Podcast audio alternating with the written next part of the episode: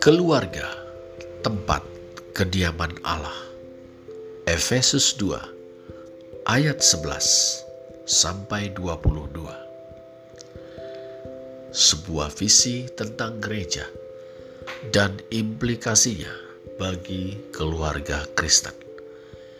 Saudara, di pertengahan abad pertama, masyarakat Yunani Romawi mengenal dua institusi atau lembaga utama: polis atau negara kota, dan keluarga. Dalam kurun waktu yang sama, masyarakat Yahudi mengenal dua institusi pokok: keluarga dan bait Allah. Polis adalah institusi politik milik laki-laki merdeka di kalangan Yunani Romawi. Tiap-tiap dari mereka adalah warga dari polis. Kaum perempuan dan budak tidak tercakup di dalamnya. Kebijakan untuk kota yang meliputi seluruh penduduk direbuk dan diputuskan dalam eklesia, sebuah majelis yang terdiri dari orang-orang kaya dan berkuasa, para pemilik budak di antara orang-orang merdeka. Bait Allah di lain pihak adalah institusi religius utama di kalangan Yahudi. Orang Yahudi yakin bahwa Allah yang bertahta di sorga, di tempat yang maha tinggi, berkenan untuk bersemayam di dalam bait suci. Di sanalah para laki-laki Yahudi, selaku yang terkemuka dari umat pilihan Allah, menyembahnya di pelataran utama. Tapi kaum perempuan Yahudi harus mengambil tempat di pelataran di belakang laki-laki Yahudi. Dan orang-orang dari bangsa-bangsa lain ada di pelataran paling luar yang di masa Yesus dipakai sebagai tempat transaksi ekonomi bait Allah yang syarat manipulasi. Laki-laki Yunani Romawi yang berstatus sebagai orang merdeka mengagungkan polis sebagai simbol tata politik yang demokratis. Tentu, demokrasi yang eksklusif bagi kalangan tertentu, yakni orang-orang merdeka, khususnya para tuan besar yang kaya raya dan berkuasa, para pemilik budak. Sebuah demokrasi yang mengecualikan para budak dan kaum perempuan. Orang Yahudi mengagungkan bait Allah sebagai simbol keagamaan yang menghubungkan sorga sebagai langit yang mengatasi segala langit dan dunia ini. Keterhubungan itu memberi tempat istimewa kepada bangsa pilihan, khususnya yang laki-laki, sekaligus sedikit ruang yang nyaris tak berarti bagi perempuan Yahudi dan semua orang dari bangsa-bangsa lain. Lantas, saudara, bagaimana visi Kristen, visi umat Allah, pemasyur Injil tentang gereja alias eklesia, dan bagaimana itu terhubung dengan keluarga-keluarga orang percaya.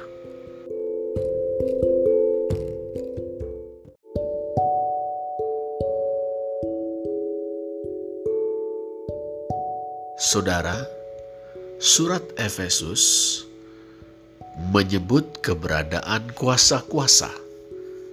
Adapun yang dimaksud dengan kuasa-kuasa adalah sosok-sosok Adi Kodrati yang dalam pandangan semesta masyarakat kuno di sekitar Laut Tengah memiliki kekuasaan tertentu di alam semesta.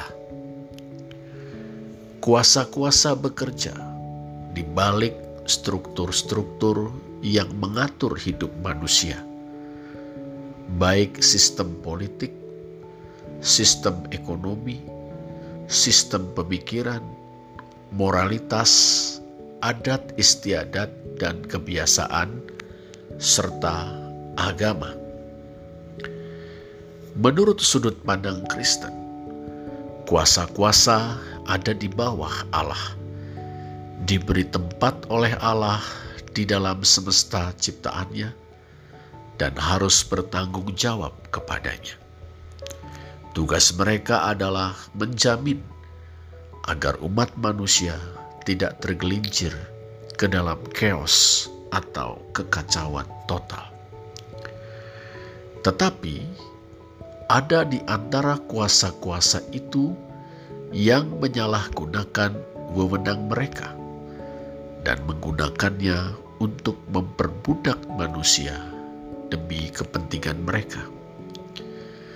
Demikianlah kita membaca tentang penguasa kerajaan angkasa, yaitu roh yang sekarang bekerja di antara orang-orang durhaka. Efesus 2 ayat 2. Kita juga membaca tentang pemerintah-pemerintah, penguasa-penguasa, penghulu-penghulu dunia yang gelap ini, roh-roh jahat di udara. Efesus 6 ayat 12. Surat Efesus mencanangkan bahwa kedudukan Kristus jauh lebih tinggi daripada kuasa-kuasa setelah mati demi menebus milik kepunyaannya. Efesus 1 ayat 7 yakni orang-orang yang telah dipilih dan ditentukan Allah sebelum dunia dijadikan. Efesus 1 ayat 4 sampai 6. Kristus kemudian dibangkitkan oleh Allah, naik ke sorga, dan duduk di sebelah kanannya. Ia bertahta sebagai Mesias, mandataris Allah.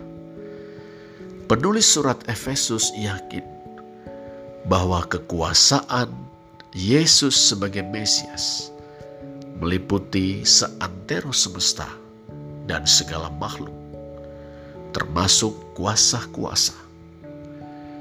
Dalam Efesus 1 ayat 19b sampai 22a kita membaca, Betapa hebat kuasanya bagi kita yang percaya, sesuai dengan kekuatan kuasanya yang dikerjakannya di dalam Kristus dengan membangkitkan dia dari antara orang mati dan mendudukkan dia di sebelah kanannya di sorga, jauh lebih tinggi dari segala pemerintah dan penguasa dan kekuasaan dan kerajaan dan tiap-tiap nama yang disebut. Bukan hanya di dunia ini saja, melainkan juga di dunia yang akan datang. Dan segala sesuatu telah diletakkannya di bawah kaki Kristus. Saudara, ini semua sesuai dengan rencana Allah, yaitu mempersatukan di dalam Kristus sebagai kepala segala sesuatu, baik yang di sorga maupun yang di bumi Efesus 1 ayat 10.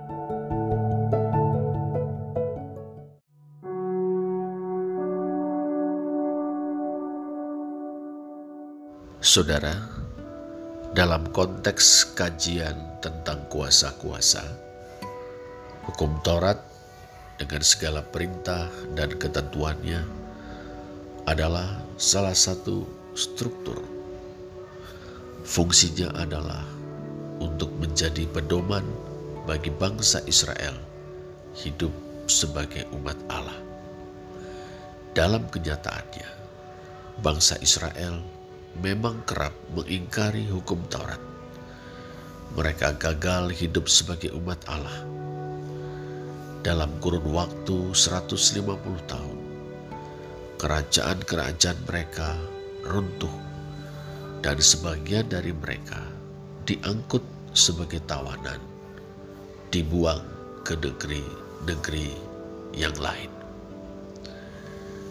Sebagian dari bangsa Israel, yakni orang Yahudi, berusaha mempertahankan identitas Israel sebagai umat Allah. Mereka berusaha melaksanakan hukum Taurat dengan sungguh-sungguh. Di satu sisi, upaya ini menolong mereka untuk dapat bertahan sebagai sebuah bangsa, meskipun mereka tersebar di tengah bangsa-bangsa lain. Tetapi di sisi lain, ini membuat mereka memandang diri istimewa dan menganggap rendah bangsa-bangsa lain. Mereka adalah Am atau Laos Tuteu, umat Allah. Bangsa-bangsa lain adalah Goyim, Taetne, kafir. Mereka merasa lebih suci. Mereka memandang najis bangsa-bangsa lain. Mereka adalah kaum pilihan Allah. Sedangkan bangsa-bangsa lain adalah kaum durhaka. Efesus 2 ayat 2. Atau kaum yang dimurkai Allah. Efesus 2 ayat 3. Demikianlah, di satu sisi, hukum Taurat telah mempersatukan orang Yahudi sebagai bangsa. Tetapi di sisi lain, telah memisahkan mereka dari bangsa-bangsa lain. Di antara orang-orang Yahudi yang sudah percaya kepada Mesias Yesus, banyak yang masih menganut pandangan serupa. Akibatnya, mereka merasa sangat sulit untuk menerima orang-orang dari bangsa-bangsa lain yang telah percaya kepada Mesias Yesus dalam gereja sebagai komunitas Mesias. Apakah hubungan antara bait suci, naus hagios, dan negara kota atau polis? Begitu tanya mereka. Lantas, bagaimana Injil mengatasinya?